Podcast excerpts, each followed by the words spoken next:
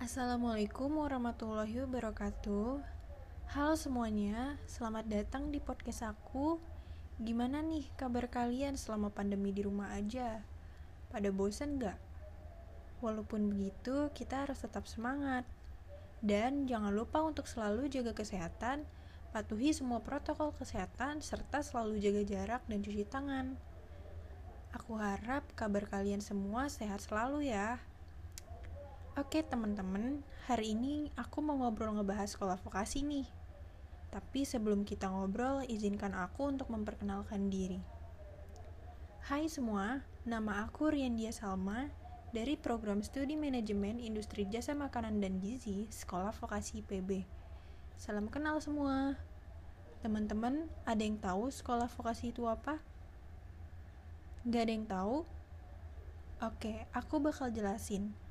Sekolah vokasi itu kampus yang jenjang pendidikannya mulai dari D1 sampai D3, bahkan D4. Yang membedakan antara sekolah vokasi dengan sarjana adalah lebih banyak praktik ketimbang teori.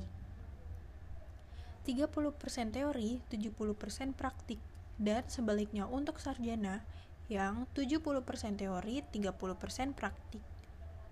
Kenapa sekolah vokasi banyak praktiknya sih?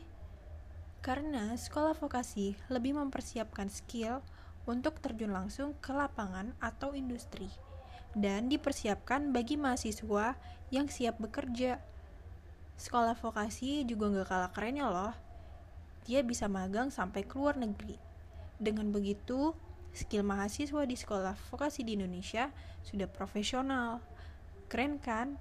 Jadi begitu kita kerja kita udah nggak bingung dan nggak kaget lagi karena kita udah memiliki skill di dunia industri dan udah banyak banget kakak-kakak alumni di seluruh vokasi Indonesia yang sudah kerja di luar negeri dan juga yang magang di luar negeri. Nah, dari sini sekolah vokasi di Indonesia sudah menunjukkan bahwa sekolah vokasi mampu menghasilkan lulusan-lulusan yang mengharumkan nama Indonesia salah satu sekolah vokasi terbaik di Indonesia yaitu ada dari Institut Pertin Salah satu sekolah vokasi terbaik di Indonesia yaitu dari Institut Pertanian Bogor. Di sekolah vokasi PB sendiri juga menyediakan program magang ke luar negeri nih teman-teman. Dan juga sekolah vokasi PB banyak bekerja sama loh dengan industri-industri yang terkenal Gimana teman-teman sekarang udah tahu kan sekolah vokasi seperti apa?